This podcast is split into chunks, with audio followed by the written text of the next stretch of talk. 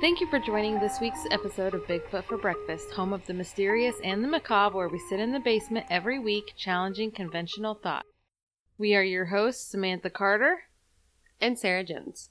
We hope you'll continue to follow us as we put out new episodes every Monday. Hit that subscribe button if you haven't already. If you have a story that's creepy in nature, unexplained, or mysterious, there are a couple ways to contact us. You can send us an email at bigfootforbreakfast at outlook.com or shoot us a message on our Facebook page.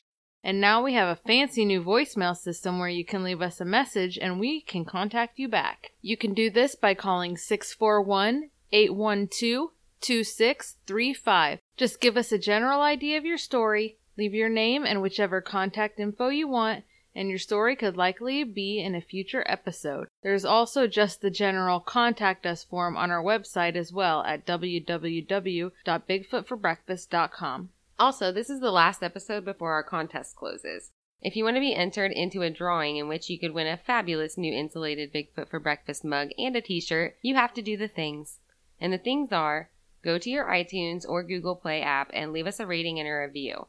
Then go to our Facebook page and there you'll find a post at the top regarding the contest. Simply comment the username that you left the review under. This will let us know who you are if you win because if we don't know you, it's hard to track a person down using only a username.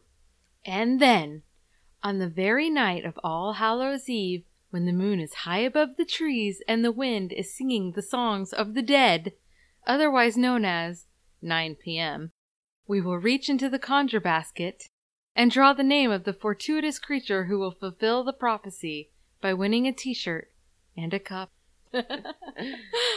Today's episode is covering a subject that I happened to stumble upon when I passed a spray painted billboard on the interstate in Tennessee a couple years back. Of course, I couldn't help but deviate from my planned course of travel and check out the legends of and the structures haunted by, drumroll please, the Bell Witch. The Bell Witch, according to legends, was a sinister entity which is said to have haunted a pioneer family, the Bells, on the Tennessee frontier between the years of 1817 and 1821, according to www.bellwitch.org. For those of you who happen to enjoy exploring both haunted houses and caves, I would absolutely tell you it is worth a visit. The stories are a lot cooler coming from a tour guide when you're actually standing on the grounds where the haunting occurred.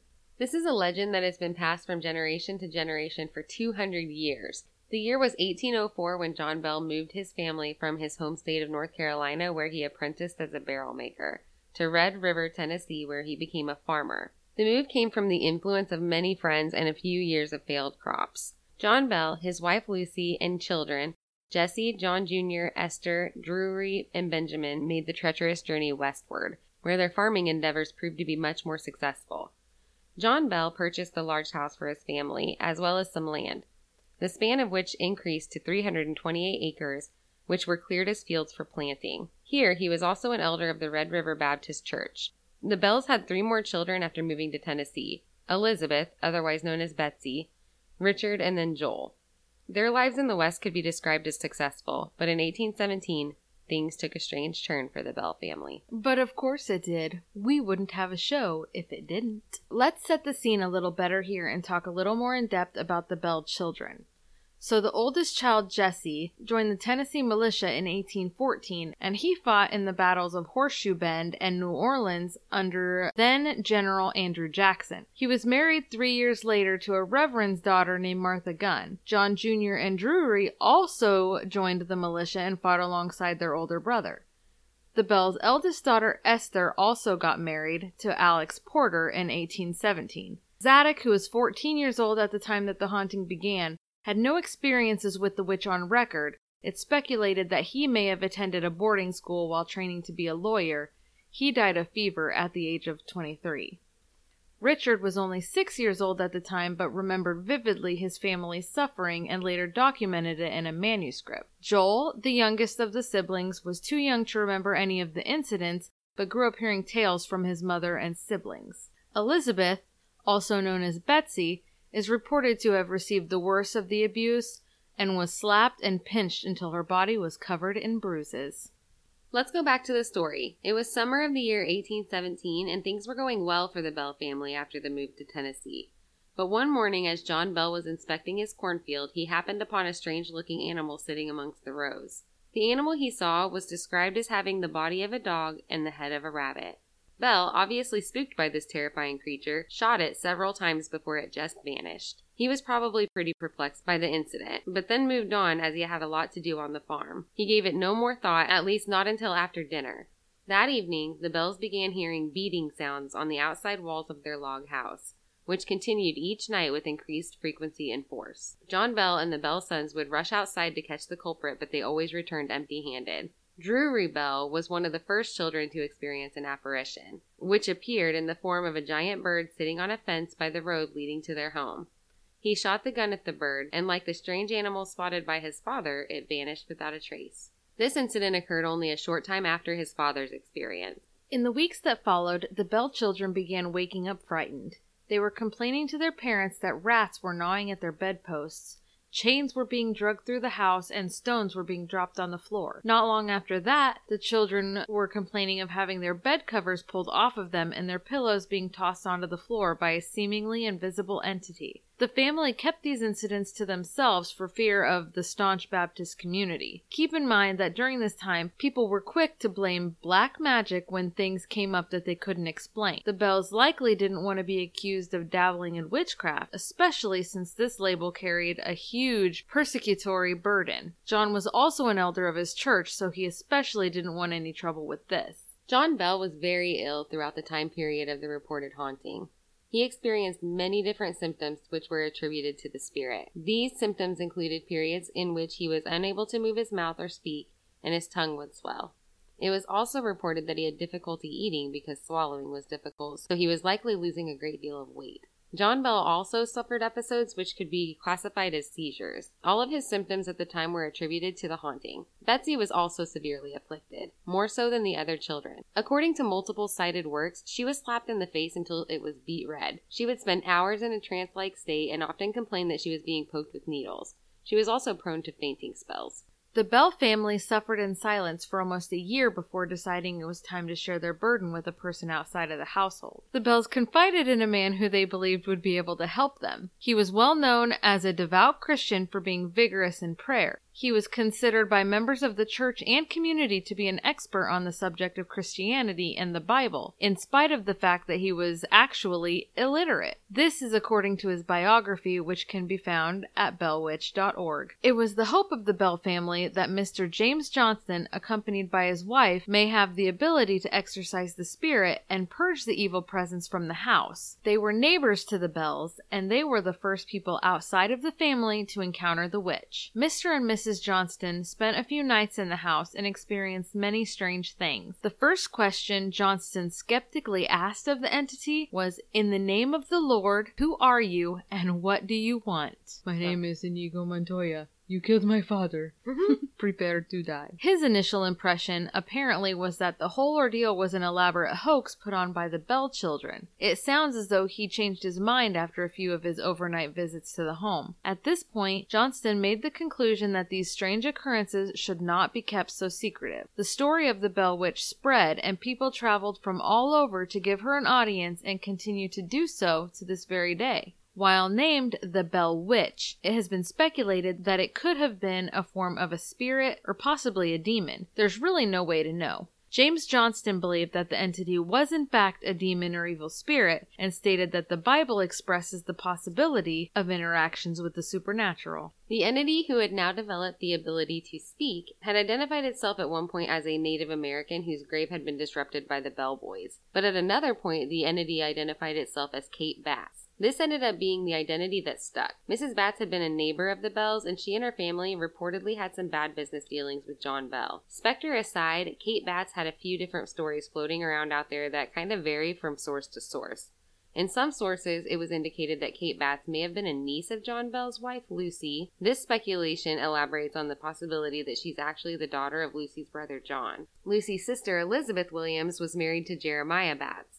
A brother to Kate's husband Frederick Batts. Yet another Batts brother, Benjamin, had a questionable business dealing with John Bell that resulted in John's excommunication from the church. So Lucy's sister Elizabeth was married to Jeremiah Batts. So Kate, her niece, correct? Yes. Was married to. his brother Frederick. Okay, I guess they married like. They married close. Yeah. But they also married like old guys would marry young girls. Yeah, yeah, yeah. Yeah.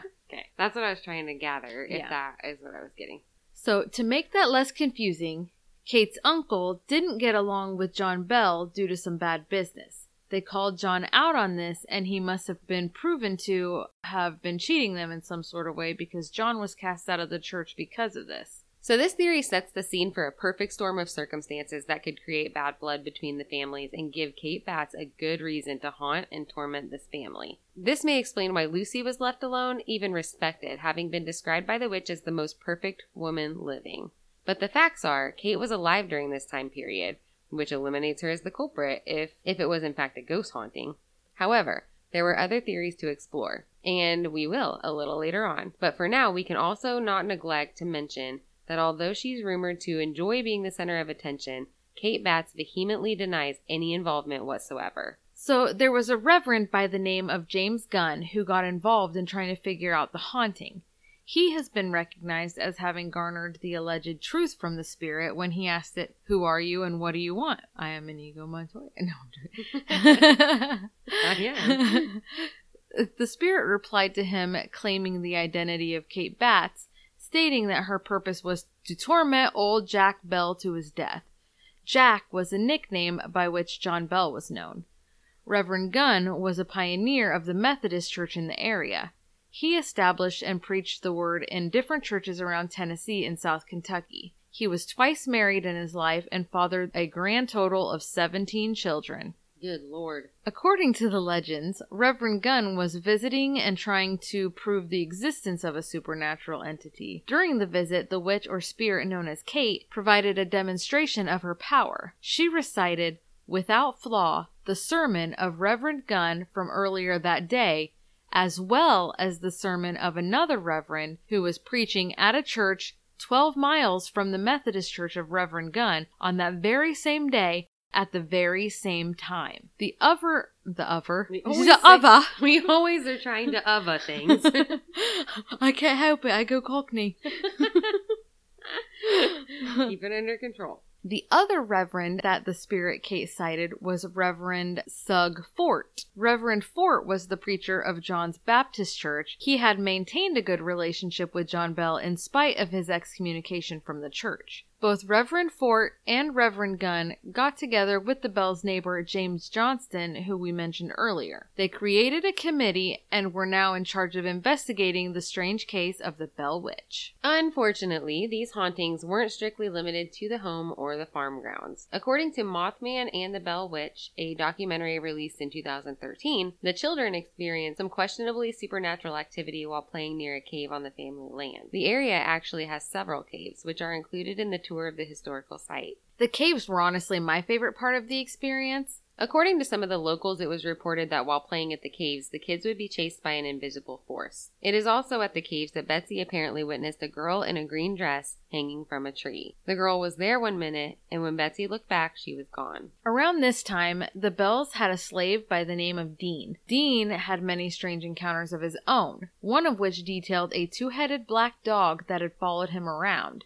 Dean's face was marked by a large scar, which he attributed to an injury sustained from a large rabbit that he claimed was also the work of the old witch. Others speculate that it was the result of a beating by a local planter who had rented Dean from the Bells. It's hard to even say that. The idea of renting and owning people is just insane.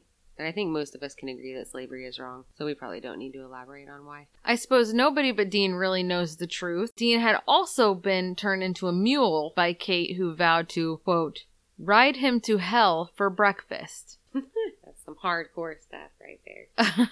There's no shortage of interesting stories stemming from the Bell Witch legend. That is for certain. That's going to be my new tagline. I'm gonna ride you to hell for breakfast. Yep. John Jr. is reported to have had no fear in the face of the witch. It is said that he was not shy to issue her a challenge or curse and yell at her. It seemed that his bravery toward her put him in high regard of the witch, as she would often refer to his intelligence and bestow upon him her respect. John Jr. discussed having very long and in-depth conversations with the witch, discussing world events and her prediction of said events as well as engaging in intelligent debates. The stories told by John Jr. were noted and shared by his youngest brother, Joel, and later documented in a book written by Joel's son. Frank Miles, one of John Jr.'s best friends, is reported to have been a very physically fit man, described to have been six feet two inches tall, weighing in at about 250 pounds of brawn, and able to perform impressive feats of strength. He was a pretty courageous man himself, and he didn't hesitate to brag that if he could ever get the entity in his grip, he would crush it. Unlike his friend John Jr., who knew it to be impossible to get a grip on the spirit, Miles made attempts at this feat frequently during his overnight stays at the Bell House. Frank would recall that on cold nights all the blankets would be yanked off of the beds. If he managed to catch and hold on to them, they would end up being torn into pieces. On two occasions, the mattress was snatched from under Frank and the bed would be rolled across the room by an unseen force. He attempted to unsuccessfully grab the offender, but when he would go after the spirit physically, he reported having felt the most forceful blows about his head and face he had ever felt. The spirit would laugh at him, stating he was sure a strong man and could knock the wind out of the air, but not dangerous in a tussle with a spirit. Frank Miles was always willing to offer his support to the Bells. These accounts are told by a grandson of John Bell Jr. by the name of Charles Bailey Bell in his book titled A Mysterious Spirit the Bell Witch of Tennessee, in which he claims to have heard these accounts directly from Frank Miles. Over time, the entity's voice grew stronger and it could be heard quoting scripture and singing hymns, even addressing the family members by name.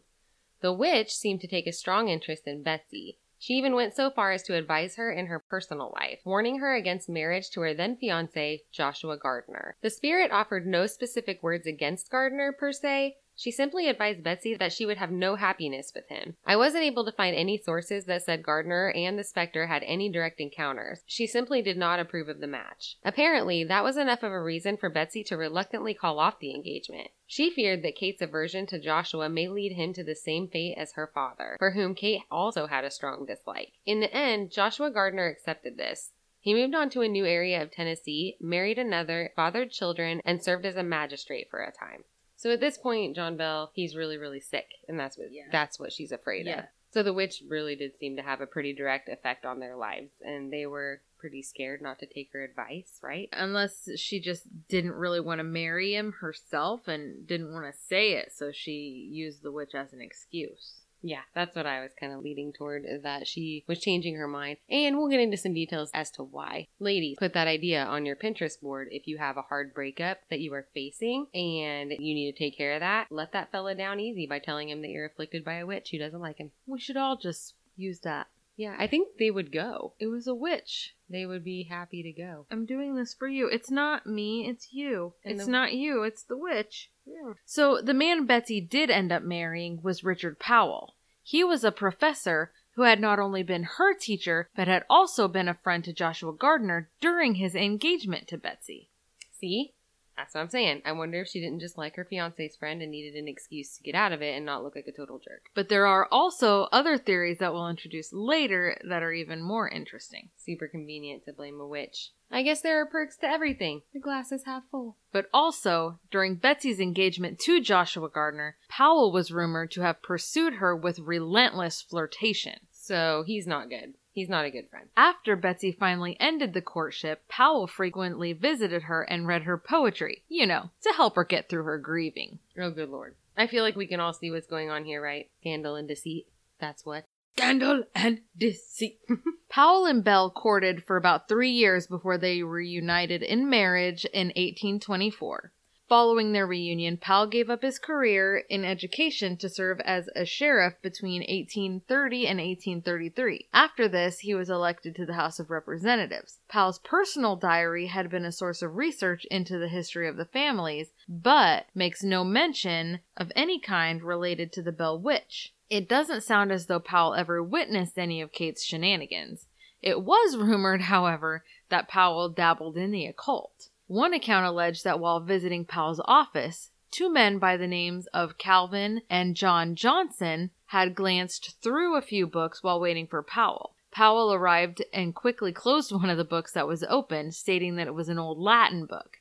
Calvin, however, was well versed in Latin and stated that the writing in the book did not look at all like Latin. There were other stories involving Powell reciting what sounded to be like incantations in an unknown language. Powell did, however, have ciphering books which could be misinterpreted by a person who didn't know what a ciphering book was or had never seen one. However, one could speculate on the convenience of the spirit's influence on the object of his lust to leave the person that stood in his way.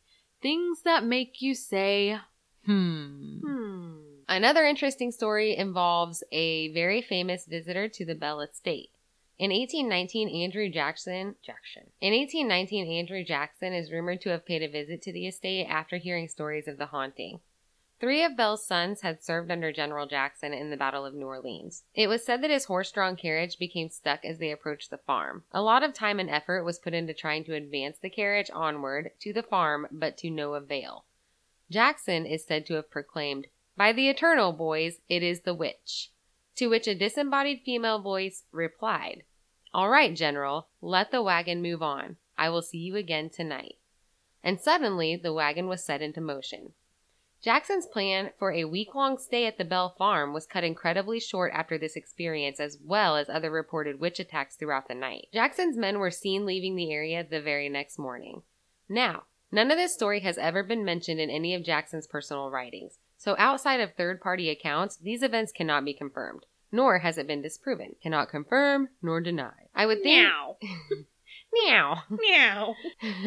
I would think that there'd be some other sort of historical record of an incident such as this, but alas, there is not. It seems to be the case in most materials that I researched that most people don't believe that this is a true story. First, because there was no record of it in Jackson's writings. But second, because the visit was said to have occurred while Jackson was president, which would lead one to believe that his experience was even more likely to be documented. Getting back to the plight of old John Bell, who was the preliminary target of this seemingly sinister entity. Not only was he the target of her torture, in fact, Kate specified that her purpose and intent was to kill him for being a bad man. Ultimately, John Bell did die before his time. The cause of death was determined to be poisoning. Now, perhaps John's symptoms up to now could have been caused by a medical condition that's completely unrelated to this haunting. Many of his uh, symptoms uh, symptoms.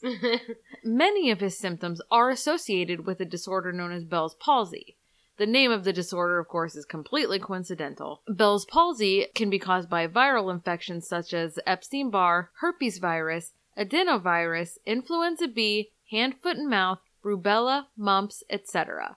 But Perhaps his symptoms were the result of being slowly poisoned to death. Metallic poisons such as mercury, lead, and arsenic derivatives were also capable of causing similar symptoms in small doses. Poison, of course, is notoriously a woman's murder weapon. Perhaps the weapon of an invisible witch, but perhaps someone else. We can only speculate, and speculate we shall. You know we will. We done did it. oh Lord. The entity known as Kate seemed to be well versed and educated in many subjects, including the Bible. Kate appeared to demonstrate knowledge of the past and the future of those who would come and interact with her. She was able to reveal her presence in two places at the same time. On top of her seemingly preternatural powers, she claimed to have caused the death of John Bell via poison. The art of poisoning has long been associated with witchcraft. Witches are typically portrayed as old hags with cauldrons for brewing up potions and po- and poisons for spells. Atropa belladonna, aka deadly nightshade, this particular plant dates back to witch lore at least to the 9th century. Belladonna can cause tachycardia and is fatal if consumed by mouth.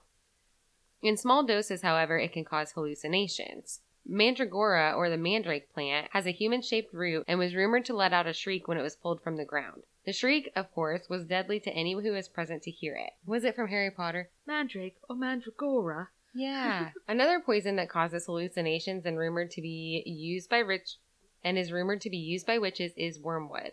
And this, of course, is an ingredient used in making absinthe. Aside from hallucinations, used in large volumes, wormwood can cause seizures. The fly agaric mushroom has been a favorite of Norse shaman in ancient times. This mushroom would be consumed by humans and reindeer alike. The urine of both was collected after consumption of the mushrooms to obtain the chemical compounds which had been filtered out by the body. Just make sure the reindeer aren't radioactive. We've come full circle. Back to radioactive reindeer. You know I'm never gonna let it go. Radioactive reindeer. It's the best theory in any situation. It's, it's just so versatile. Why do you think Rudolph's nose was red? Radioactive. There's truth in the legends. Anyway, so so those are just a few of the herbs used by witches to cause their victims to see otherworldly visions and hallucinations. Perhaps, danger, Will Robinson. Perhaps Kate Batts was managing to somehow poison the family, causing the hallucinations and possibly the health problem. However, without personal contact on a regular basis, this may have proven a difficult task for Kate. My theory is that Kate Batts was simply a convenient name to assume for the one who was truly responsible since she was known to be angry with John Bell. Yet another theory, which we mentioned earlier, poses the idea that perhaps this wasn't a witch at all. Demon mythology discusses cases in which demons assume identities, mimic voices, and torture people with similar methods as the Bell Witch. Could this have been a case of demonic oppression? Demonic oppression is one of the most commonly reported spiritual phenomena. While seemingly a religious man, John Bell was also rumored to be unfair and possibly crooked as a businessman. His lack of morality in some aspects of his life may have been enough to open himself and his family up to a demonic presence. Being cursed by another person can also be to blame for this type of experience. Many people would also disregard this possibility, presenting that historical cases of demonic possession or oppression were simply misunderstood medical afflictions. But that's just not as fun, reasonable people. Perhaps not a demon, but a ghost or poltergeist was the cause of the abuse to John and his daughter. This, however, would not necessarily explain the strange animal sightings, but would explain the scratching sounds and noises whose origin cannot be found or explained, bumping sounds, objects moving from place to place unexplainably, and the feeling of being watched. These are classic signs of a possible haunting. Physical and emotional disorientation and effects on the mood or physical health can also be signs of a strong paranormal or preternatural presence in the home. Get that dang ghost Lysol. Monster spray. Be gone. I need a nap. I don't know. I pictured you mm-hmm. spraying somebody in the face by accident. you scared me. I'm sorry, I thought you was a ghost. I Chemical- seen it.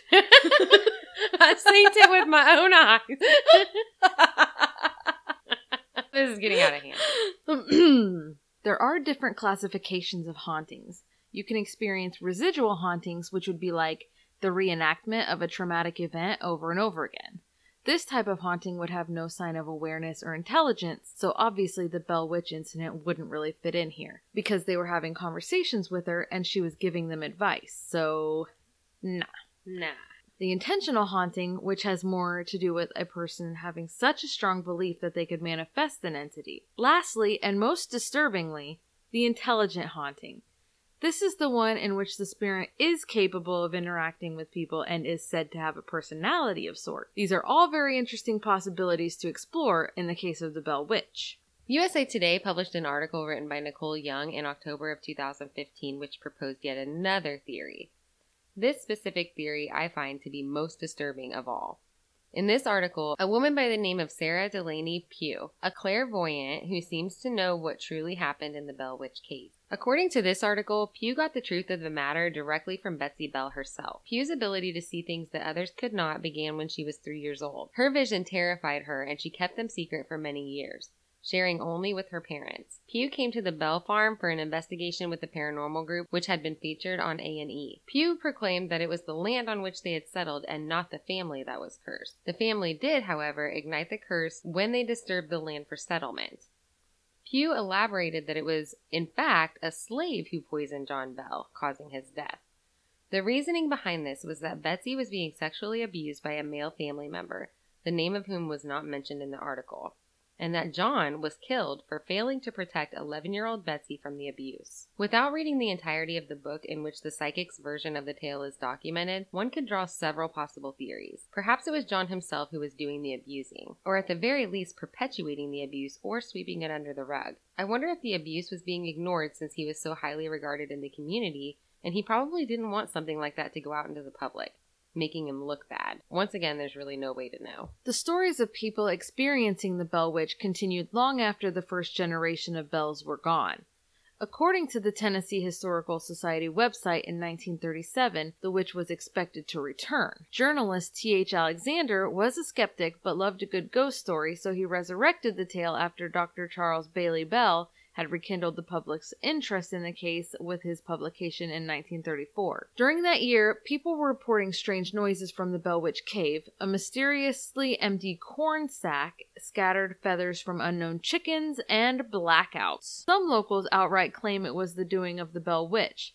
There were travelers from surrounding areas coming to investigate the haunting cave, hoping to film the specter or gather some form of tangible proof that the ghost or witch exists. A group of teenagers reported having seen the witch during a weenie roast, but it sounds like that claim was largely discredited. An article published in 1965 reported an incident in which a woman had visited the Bell Cemetery. While there, she heard a voice that told her to stand up and look around. You will find something of much value. According to the article, the woman then walked out into a field and found a black iron kettle that was upside down. When she turned the kettle over, she found a pearl buckle in the grass beneath it. It was reported that a jeweler estimated the buckle to be 160 to 200 years old and quite valuable. In 1944, a girl named Bonnie Hainline was exploring the cave while playing hooky from English class. She reported that she'd borrowed a lantern from the cave owner. She said she and her friends had been exploring the cave for several years. On this particular day, her lantern blew out despite there being no breeze inside the cave. She said she was able to relight the lantern and it kept blowing back out. This terrified her so much that she crawled along the cave's water path in the dark until she got to the entrance. Once she got there, she found an open can of pork and beans and marshmallows. Later that evening, she was told that law enforcement had discovered two escaped fugitives in the back of the cave. Bonnie credited the witch with helping her avoid the fugitives. Well, I hope this was a lesson to little Bonnie for skipping English class. Stay in school, kids. There is an appropriate time and place for witch hunting. In 1977, a group of soldiers visited the cave. If I recall the story, there were five of them. One of the soldiers apparently said something indicating that he was a skeptic. That soldier reported that something invisible then grabbed him,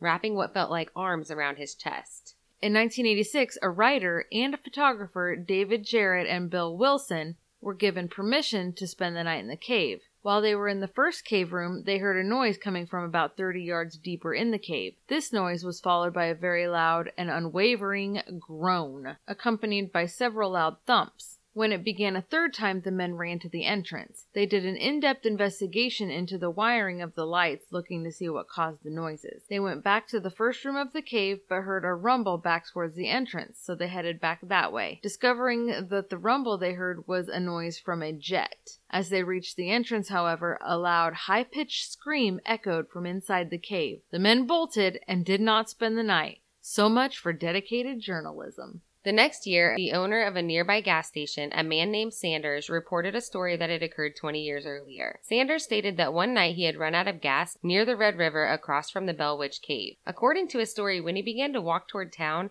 a rabbit came out of the woods and started following him down the road. Sanders recalled walking faster, but the rabbit kept up with his pace even when he started to sprint. After about a mile, Sanders reports that he sat down on a log trying to catch his breath and the rabbit hopped up on the other side of the log. Sanders said that the rabbit looked at him and said, Hell of a race we had there, wasn't it? Hell of an acid trip, huh? So does that make him the tortoise? Was probably. So Lucy Bell Butler is a direct descendant of John Bell Jr. and is named after John Bell's wife. The late Lucy Bell, if you recall, is one of the few people the witch is said to have held in high regard. According to a news article, Lucy says that the stories of the Bell Witch were part of her childhood, stating, It was pretty interesting because things did happen, and we would just naturally turn and say, Oh, the Bell Witch did that. She also says that she believes that their witch related experiences extended far outside of the farm in the cave, but followed her family wherever they go. She said she and her daughter Jennifer have seen the two headed black dog in the original legend, and when Jennifer was growing up, they often saw a giggling girl running around their house at night. I was thinking that might have been the Bell Witch. That would have been the sweet side of her, Butler said. The little girl would play with Jennifer's toys, and the family dog was not afraid of her. She stayed, she would come out at night, and she was sweet and giggled. It is her belief that the Bell Witch was watching over her daughter. So, hearing all of these different accounts, what do you think is behind the mystery? The perception that witches have been responsible for hauntings by ghosts and poltergeists has been in play for centuries. Of course, the concept of vilifying witches has always been a thing. as religious zealots were never shy to accuse those who they disagree with or do not understand for any and all things negative in the world. It's possible that the witch, whether it was truly Kate Batts or not, could have been responsible for the events that took place in the Bell home directly by some form of magic. Perhaps she managed to give the illusion of a haunting by using a method of astral projection. We've talked about astral projection a few times throughout the episodes, but I'll go ahead and talk about it a second here. Astral projection is when a person leaves their physical body and travels in astral realms in the form of an astral body, double, or spirit replica of the physical body, according to the Encyclopedia of Witches and Witchcraft by Rosemary Ellen Guiley. In the case of a double or spirit replica, the double remains connected to the physical body via a type of astral cord and is capable of passing through physical matter and travel at great speeds. Astral projection is a practice that you continue hearing about even in modern day. This was a skill that has been studied, tested, and utilized in recent history by governments for use as tactical warfare. The, the idea of this isn't just a scary myth based on a historical lack of education and understanding.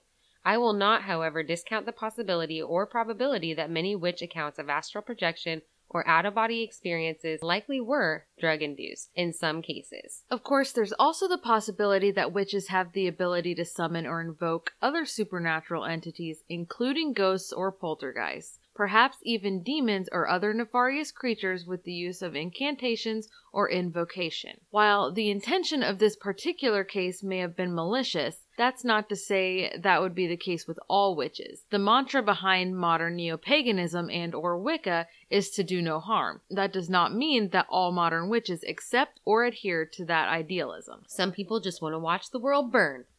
And then there are those who prefer to watch witches burn things that make you go, hmm, that went dark. So, putting aside the possibility of supernatural causes, there are a lot of skeptics who believe that it is possible that the whole Bell Witch tale was an elaborate hoax that just went too far. That it is merely a fable that grew and grew until it was too big to stop or confess the truth. How then would these experiences continue for so many years, or even affect so many people when it began? If it was a hoax, who was responsible for it? And how? Well, there are plenty of skeptics out there and plenty of theories to explore that front as well. One such theory is that a man named Martin Ingram straight up invented the entire legend. Before his book in 1894, there was only a single mention in print that can be found referencing the Bell Witch, and that was in 1886. Now, now, Ingram's book was based entirely on the supposed handwritten diary of Richard Bell, who was one of the younger of John Bell's sons. As we mentioned previously, Richard was only about six when the hauntings began, and it would be more than 30 years before he recorded the events in his diary. Ingram's book wasn't released until 75 years after the hauntings were said to have taken place. The story goes that Richard gave the book to his son, who gave the book to Ingram. The sketchy part about it is that by this time, anyone who could either corroborate or deny any account in the book, either firsthand or secondhand, was dead. On top of that, the diary was never seen by anyone but Ingram. Why not? Is it possibly because it doesn't exist? There are obviously many different motives for fabricating such a story, the first of which, to sell books. To get in. what movie is that? Michael. I invented the line. Why? To get in. to sell books. People love a good ghost story. If they didn't, we'd be screwed. People love it even more if it's true. The 1886 mention of the witch, which can be found in a chapter about Robertson County in the book Goodspeed's History of Tennessee, was brief and made no mention of some of the most significant details in Ingram's version of the story, both the murder of John Bell, which was kind of a big deal, as well as the possibility that President Andrew Jackson may have experienced the Bell Witch himself. Of course, none of Jackson's writings mention this either, which I feel makes the story worthy of a certain amount of skepticism. We'll go ahead and read it, but you can decide what you think. A remarkable occurrence which attracted widespread interest was connected with the family of John Bell, who settled near what is now Adams Station about 1804. So great was the excitement that people came from hundreds of miles around to witness the manifestations of what was popularly known as the Bell Witch. This witch was supposed to be some spiritual being having the voice and attributes of a woman. It was invisible to the eye, yet it would hold conversation and even shake hands with certain individuals. The freaks it performed were wonderful and seemingly designed to annoy the family. It would take the sugar from the bowls, spill the milk, take the quilts from the beds, slap and pinch the children, and then laugh at the discomfiture of its victims. At first it was supposed to be a good spirit, but its subsequent acts, together with the curses with which it supplemented its remark, proved the contrary. One of the more interesting theories I stumbled upon was described in a book by Robert Bartholomew and Joe Nickell called American Hauntings The True Story Behind Hollywood's Scariest Stories. One of the chapters details the existence of liars' clubs, which were apparently prevalent in rural America in that era for entertainment purposes as they did not have TV or radio. The hoaxes and tall tales concocted by these liars' clubs were often corroborated by judges, preachers, prominent community members, and professors who would attest as witnesses to the events described in the tall tales. This would offer a valid explanation as to why Ingram's witness testimonies did not exist on record until the 1890s, and why, when the stories described droves of people visiting the area to investigate the tales, there are no actual records of these visitors, including President Andrew Jackson. Other theories speculate that Betsy's husband, Richard Powell, was involved in the creation of the sensationalized horror story, possibly for reasons of profit, much like Ingram stood to profit from the books, perhaps even for entertainment or for notoriety. Powell had been married once before, but made little mention of it, and it wasn't really public knowledge, nor did he make public her death or the circumstances of it. As mentioned previously, Powell had been Betsy's professor, though his interest in her was quite obviously more extensive than that, in spite of his marriage to another, and in spite of the fact that Betsy was a child and he was 26. According to some Johnston family lore, John Bell nor James Johnston trusted Powell and believed him to be dishonest. Johnston was the man who the Bells first told of their affliction. The same accounts told by the Johnstons declares that it was John's feeling that Betsy would marry Powell over his dead body. So the speculation is that perhaps Powell was either in control of or was perhaps the witch. Let's look at this possibility in terms of evidence, circumstantial as it may be. There are no accounts of the witch ever manifesting around or in interacting with Powell, nor was he ever known to speak about the witch or events occurring at the Bell house.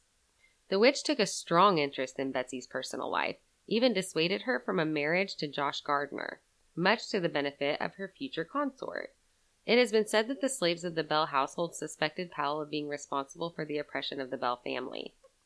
Perhaps this was the cause of the spirit's rage toward the slaves. There was later the matter of John Bell's death, in 1820, after which the specter seemed to have disappeared, as her stated goal had been accomplished. In the next year, 1821, Powell's wife died, and the witch reappeared to Betsy at a party in which she attended with Josh, after which she ended her engagement. She was then pursued by Powell until their marriage in 1824. It all sounds very suspicious, don't you think? Betsy herself had also been accused of fabricating her own experiences, perhaps as a form of collective hysteria. Her father's experience induced by poison could have caused him to become ill and hallucinate, and poor Betsy just fell into the drama of it all, not understanding or being able to separate reality from fantasy perhaps even as a way for her young mind to cope with the sexual abuse she was experiencing, if we are to believe the earlier mentioned psychic, perhaps speculated by many at the hands of her own father. From there, the hysteria could have spread through the family and friends like wildfire accusing any experience, paranormal or not, to be the work of the mysterious and terrifying invisible witch. Another possibility is that John is simply tortured by the guilt of assaulting his daughter. Perhaps Betsy's injuries at the hand of the witch were inflicted by her molester, or self inflicted as a result of self torture because of the assault. Following this theory, one could speculate that John may have even poisoned himself out of guilt. Perhaps the reason Lucy was unaffected by the haunting was that she was the cause of it. Lucy being John Bell's wife, keep in mind. How many cases of husbands being poisoned by wives exist throughout history? It is a very real possibility. Perhaps she too was aware of Betsy's abuse and sought to end it. Perhaps there was no abuse at all, and he was just a bad man, and he was accused of being in some bad business dealings. Perhaps she encouraged the idea of the ghost or witch because it took the focus away from the true cause of John's suffering and gave her a scapegoat. Kate Batts, the most popular theory related to the ghost's true identity, didn't die until 1843, although there are rumors that the haunting had begun after her death. Many researchers argue ardently that the lacks of substantiated proof and the questionable and dubious sources allude to the fact that the Bell Witch haunting is simply an over embellished folk tale. Author Joe Nichols' writing made note that many of the people who knew Betsy Bell well took her tales with a grain of salt. Nichols suggests the possibility that this is a case of poltergeist faking syndrome. I didn't know that was a thing. I didn't either. Poltergeist faking syndrome, or situation in which a person creates a seemingly paranormal phenomena or disturbance, typically a child. So after reading his articles, though, I tried to research that as a syndrome. I think that he coined the term, and I didn't find really where any anyone else had used it. So this is just him. Stop trying to make fetch happen. It's not going. You know, actually, this could happen. Well, Like, it does. It's. I mean, it's clearly a thing. yeah, but it just didn't stick as a syndrome. but how, then, could the voices of others be imitated so accurately as described in these tales? Like the sermons of Fort and Gunn, which took place in two different churches in two different counties at the exact same time. How could anyone manage to create any of these strange occurrences, including the strange animals and physical abuse by unseen forces, or voices coming from nowhere with information about people's private thoughts? How is this possible without some sort of supernatural power behind it? Was this all a case of mass hysteria? John reported seeing something strange and began having symptoms related to illness or by possible poisoning, and everyone else just fed off the fear and chaos, either making up stories of their own or actually believing that they were seeing things that they weren't. There are a lot of elements that can cause a person to question all accounts and theories. What are your theories on this subject? Let us know. Comment directly on the episode on your podcast platform, send us a PM, or write on our Facebook wall. Send a direct message on Instagram or send an email. However you prefer, let us know. I think there's just a witch. I think all these reasonable theories just suck the fun out of everything, and I'm sick of it. I tend toward to lean towards the wife poisoning him because of the molestation theory. Yeah, but who knows about that psychic? Who knows? Anyway, Thank you for joining us on this week's episode of Bigfoot for Breakfast. We appreciate you listening and especially your feedback. Hop on over to iTunes and give us a rating and a review, or whichever platform you listen from. If you're a new listener, make sure you hit that subscribe button and look for our social media updates for events that we may be attending. But most importantly, look for new episodes every Monday. Once again, thanks for listening. Bigfoot, Bigfoot, Bigfoot for breakfast. Are we eating him? Did we invite him over? Nobody knows. oh boy.